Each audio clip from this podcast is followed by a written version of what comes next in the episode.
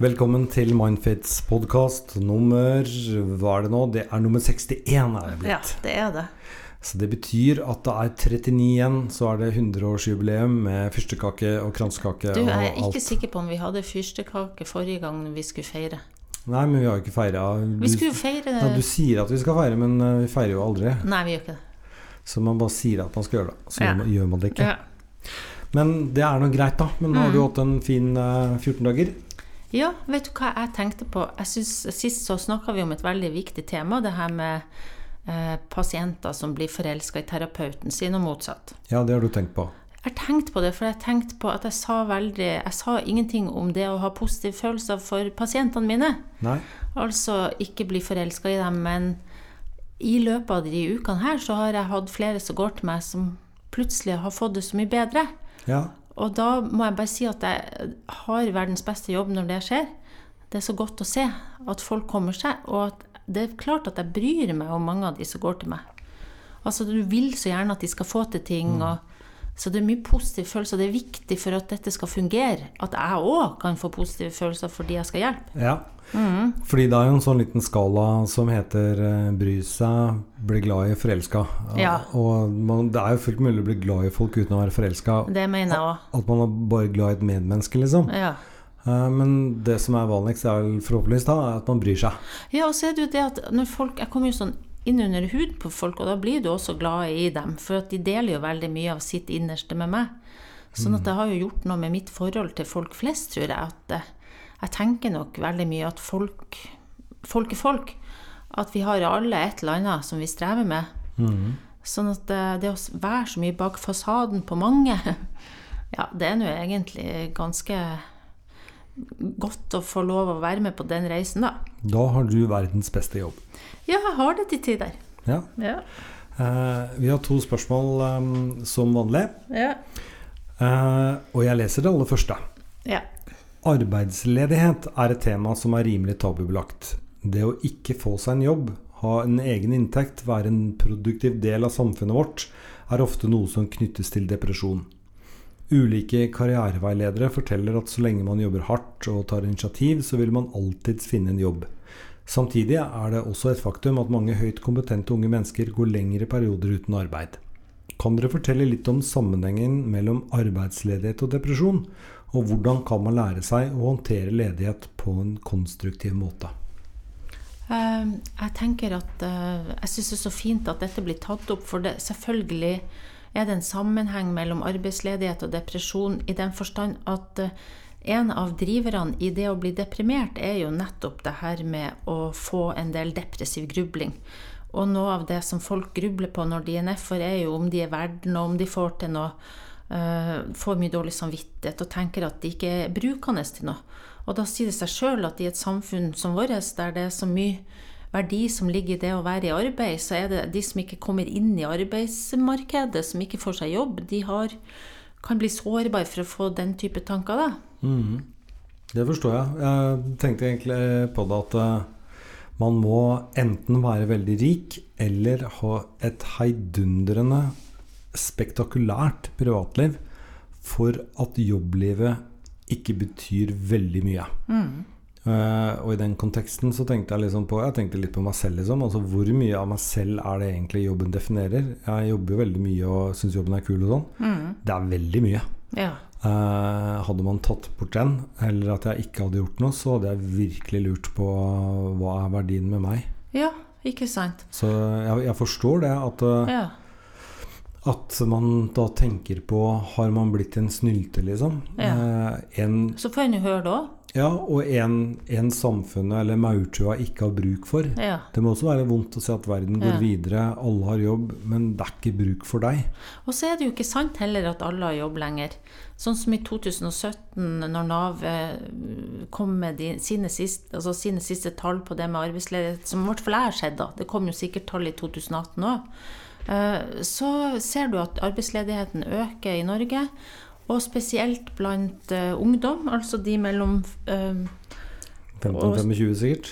ja, hva var det de sa? Eh, Noe sånt. Og så eh, at spesielt unge menn 13 av eh, Norges unge menn er arbeidsledige. Eh, det er nesten så jeg vil si at jeg kan jeg få lov til å se på den statistikken. 13% av unge menn er arbeidsledige. Og unge hørtes- menn er definert litt smalt, da, vet du. Unge Ja. menn jeg tror jeg er en aldersgruppe som går opp til 24 øh, år, da. Men uh, dette er jo ikke Politisk kvarter, så vi, vi kan bare ta den Ja. statistikken. Jeg her òg syns det var ganske høye Ja. tall. Men jeg tenker uansett at arbeidsledigheten har steget, og at Mm. en høy andel av de som er nye arbeidsledige, da, er uh, ungdom.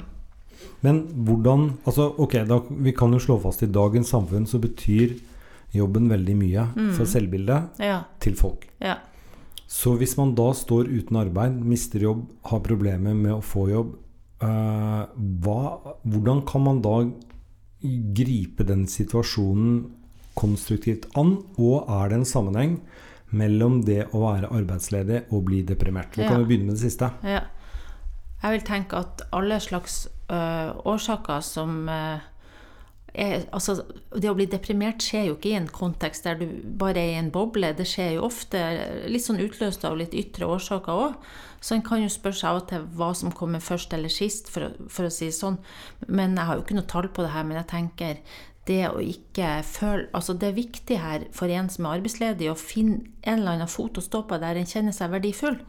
Sånn at hvis du ikke klarer det, hvis du ikke klarer å finne en sånn fot, så er du jo sårbar for å bli deprimert og begynne å tenke uh, veldig sånn negativt om deg sjøl. så tenker jeg litt på det du sier, en må jo finne en verdi øh, et annet sted. Og så tror jeg det er viktig å få sagt at det er jo veldig mye sånn forventninger også fra Hvis du tenker ungdom, fra foreldregenerasjonen, om at de, de kan bli hva de vil, og alle er sin egen lykkes med. Og så tenker jeg, men dette henger jo ikke helt sammen når du også ser at veldig mye um, type arbeidsoppgaver forsvinner.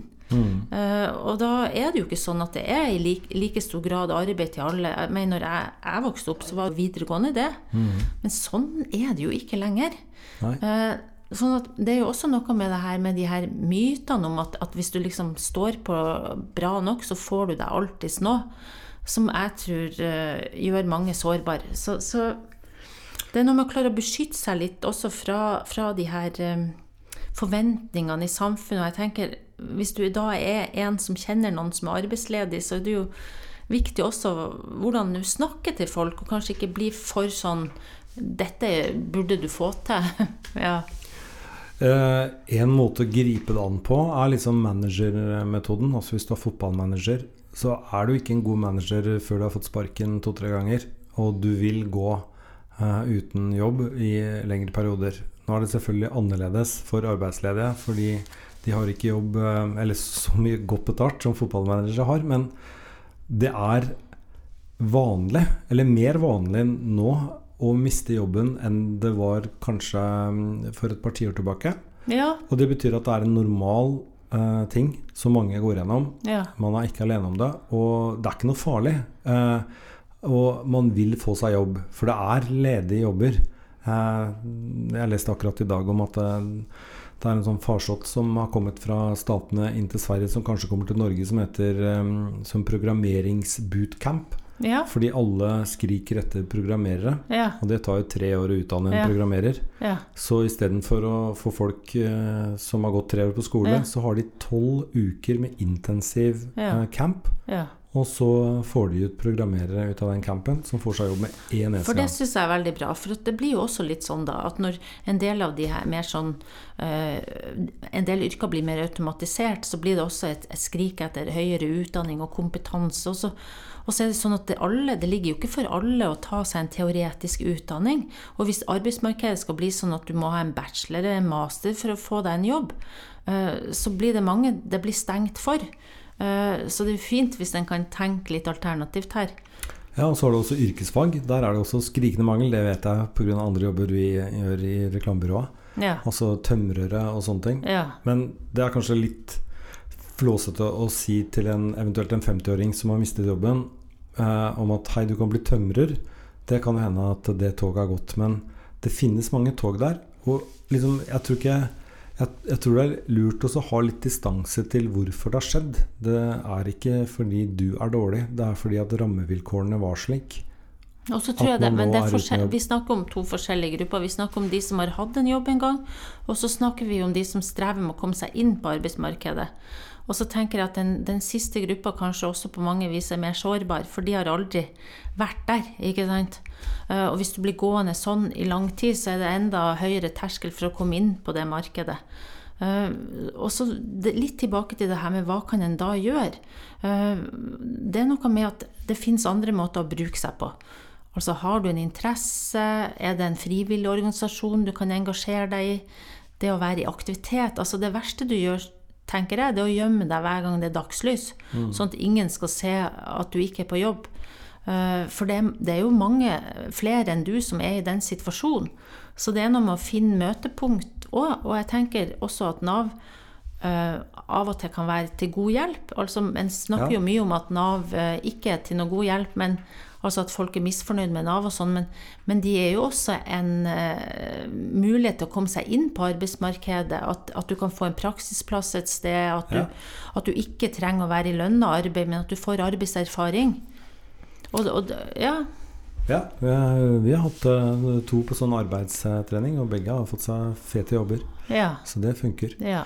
Så vi kan vel egentlig slå fast at uh, hold deg i aktivitet eh, og finn et egenverd. Det er veldig viktig. Ja.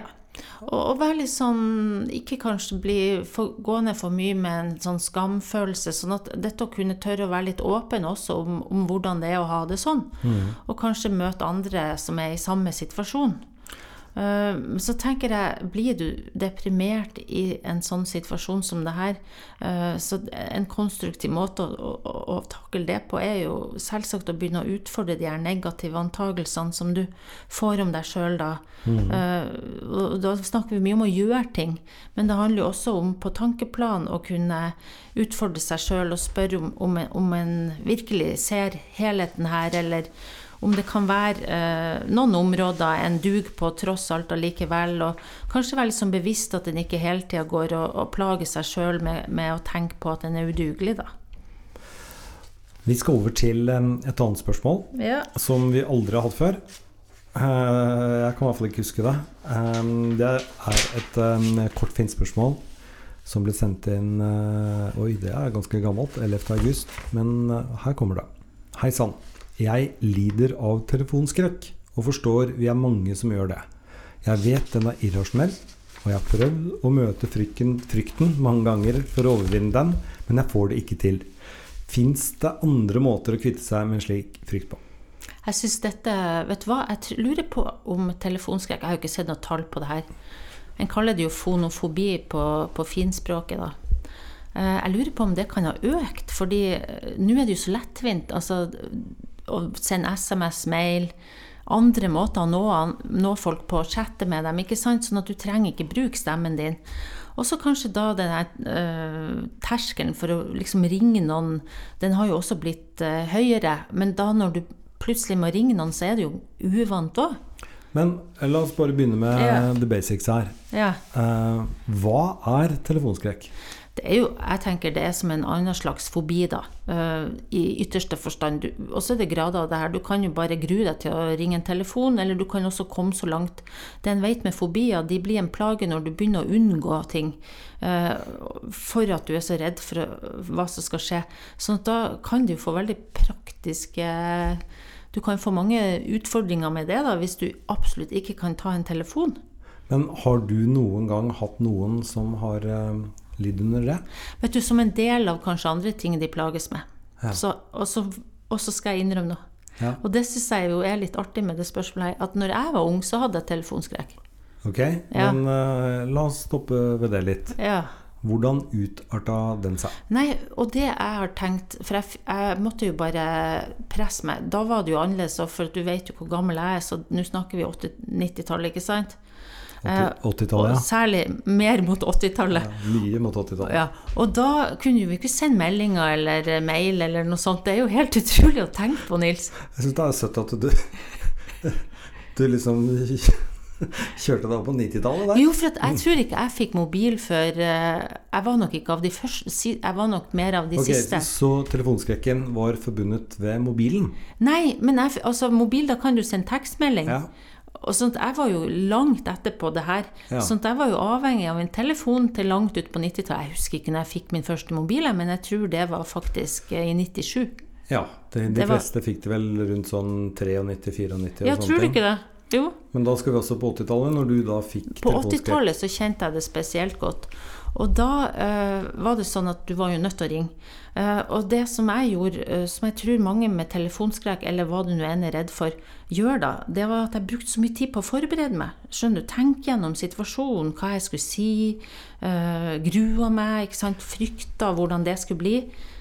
Laga meg et scenario i, i forkant som ble ganske stort. Utsatte. Utsatte å ringe. Sånn at dagene gikk. Begynte å grue meg enda mer. ikke sant? Eh, jeg tror for min del så handla det også veldig mye om at jeg kunne ikke se den andre. Sånn at jeg fikk en sånn Jeg hadde noen sånne tanker rundt hvordan eh, blir jeg oppfatta? Og så klarer du ikke se hvordan den andre oppfatter deg, for at du ser jo ingenting. Du bare hører en stemme. Men betyr det at eh, frykten var for utgående telefoner og ikke inngående? Ja. mhm, Det, seriøst? ja. Altså når folk ringte til deg, så var det ikke noe farlig? Nei. Det er kun til utgående, utgående generelt, eller til spesifikke Nei, for min del så Og det tror jeg det går for Og det går jo igjen, det ser jeg jo til mange òg, at de kan jo ringe til folk de kjenner og er trygge på og sånn, men skal de ringe f.eks. en offentlig etat? Eh, Så det, det er en slags sånn autoritetsskrekk i det òg, kanskje. Ok. Sånn at, eh, men det kan jo ikke si at det stemmer for alle. Men jeg tror veldig ofte at det er for at det er så ukjent, og at du lager deg en del katastrofetanker. Da. Det er jo veldig typisk ved, ved, ved angst, da, at du lager deg det. Men eh, hvordan var det du ble kvitt det ved Ja, det var jo det som, det er det som er litt trist til denne innsenderen, da. Ja, Det eneste som virka, var jo egentlig å ringe. Ja. Men eh, i tillegg til det så vil jeg si at, til denne innsenderen at det går an å gjøre noe med den her forventningsangsten. Altså den perioden du går og gruer deg i forkant, og der du utsetter, den øker jo bare angsten. Sånn at en av de tingene som jeg syns har hjulpet meg, og nå har jeg jo ikke telefonskrekk lenger, uh, det tror jeg at ting skjer litt fortere. ja. Jeg, jeg sitter ikke og grubler og bekymrer meg for hvordan det skal bli.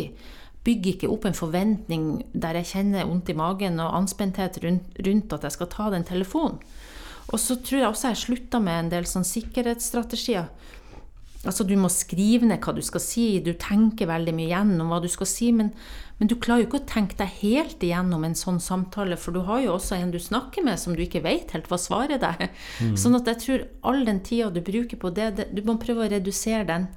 Uh, og da kan du gjøre et sånn atferdseksperiment. Altså Du kan i forkant eh, stille en del spørsmål. Eh, hva frykter jeg kommer til å skje? Og forventa styrke på det jeg frykter, altså fra 0 til 100 f.eks. Hvor sterkt frykter jeg det? F.eks. hva frykter jeg kommer til å skje? Ja, og jeg frykter at jeg ikke skal finne ordene, ikke bli forstått. Og hvor mye frykter jeg at det skal skje? Jo, 100% ikke sant? Det kan være en sånn forventning jeg har eh, i forkant. Også for min del og for mange så kan det jo gå på at en er redd for at andre skal merke det. Eh, Jeg tror det kan være et element av litt sånn sosialangst i telefonskrekk, hvis du skjønner. Litt sånn hva vil den andre merke? En er redd for å dumme seg ut og ikke Ja. Og hva vil den andre tenke? At du tenker litt sånn over hva, hvordan vil den andre merke det, og hva vil den andre tenke?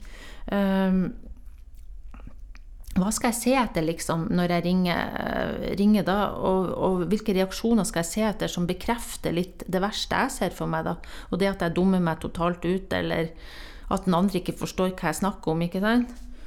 Uh, og så må jeg finne ut av det her. sånn at da kan du, når du har liksom svart på det her i forkant, så tar du en telefon, og så etterpå så må du gå litt gjennom det samme igjen. Og da må du spørre deg Ja, hva skjedde? Hva skjedde med meg? Hva trodde jeg skulle skje liksom, i forhold til hva som skjedde? Eh, og, og hvordan reagerte de andre faktisk i forhold til hva jeg trodde de, de skulle liksom, Hvordan de skulle reagere? Hvordan, hvordan framsto jeg i forhold til hva jeg hadde tenkt? Og så gikk det verre eller bedre enn det jeg hadde trodd eller spådd. Ja. Så overdrev jeg litt i forkant, veldig ofte. Altså Du overdriver i forkant hvordan det her skal bli. Og så opprettholdes det av de sikkerhetsstrategiene, det er det jeg vil si òg. At en type det å liksom forberede seg sånn at du liksom har håndskrevet nesten alt du skal si, eller at du driver og utsetter så lenge at, at angsten blir bare større og større. Så du må også bryte litt de mønstrene dine du har i hvordan du tar de telefonene. Men eh, brukte du dette? Nei, Nei. Dette, dette, jeg var jo ikke psykolog nei. på 80-tallet. Så gammel er jeg ikke, Nils. Nei, det er du ikke. Nei. Men uh, det var, var dette en av årsakene til at du ble psykolog? Nei. For at Nei. Det har vært en fin avslutning, nemlig. Det har Ikke telefonskrekken, men uh, uh, jeg tror jeg hadde litt av det her til ganske sånn langt opp på 90-tallet. Men eh, etter hvert nå så har jeg egentlig bare blitt kvitt det. Altså jeg tror det handler mye om å praktisere, altså gjøre det gang på gang og se at det går greit. Og også kanskje at jeg er blitt mer, litt mer sånn at jeg ikke er så redd for å dumme meg ut som jeg var da jeg var ung, for det tror jeg også går, går igjen da. At en kan være litt sånn redd for å dumme seg ut. Nei, det er ikke så farlig. Jeg finner vel ut av det. Men du, når jeg kommer på det, jeg liker ikke ring Altså, jeg, jeg kunne ikke fått meg enda til å ringe til utlandet. Nei, det er farlig.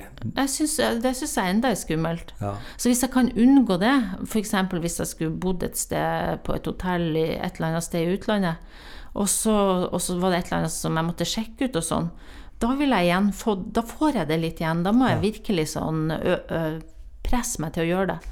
Og sikkert prøvde prøvd å lure meg unna, kan jeg tenke meg til.